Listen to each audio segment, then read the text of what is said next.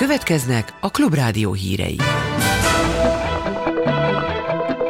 22 óra, Kárpát Iván vagyok, híreink röviden. A határidőig 15 uniós tagország jelentette be, hogy részt vesz az Európai Bizottság oldalán. A melegek jogait sértő törvények miatt Magyarország ellen indított európai perben írja a népszava.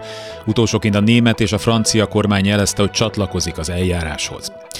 Kína segítségét kérte a béketeremtéshez a francia államfő és az Európai Bizottság elnöke. Emmanuel Macron és Ursula von der Leyen ezzel zárták pekingi tárgyalásaikat. Reményeik szerint Kína nyomást fog gyakorolni Oroszországra, kezdeményezzen tárgyalásokat az ukrajnai konfliktusban, mondták el újságíróknak.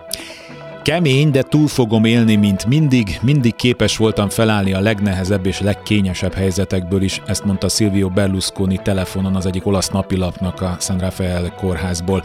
A 86 éves politikus szerdán került be az intenzív osztályra légzőszervi panaszokkal. Azóta kiderült, hogy tüdőgyulladása a leukémiája következtében alakult ki, amivel egy ideje már küzd. Az időjárásról holnap felhős, borongós, csapadékos marad az idő.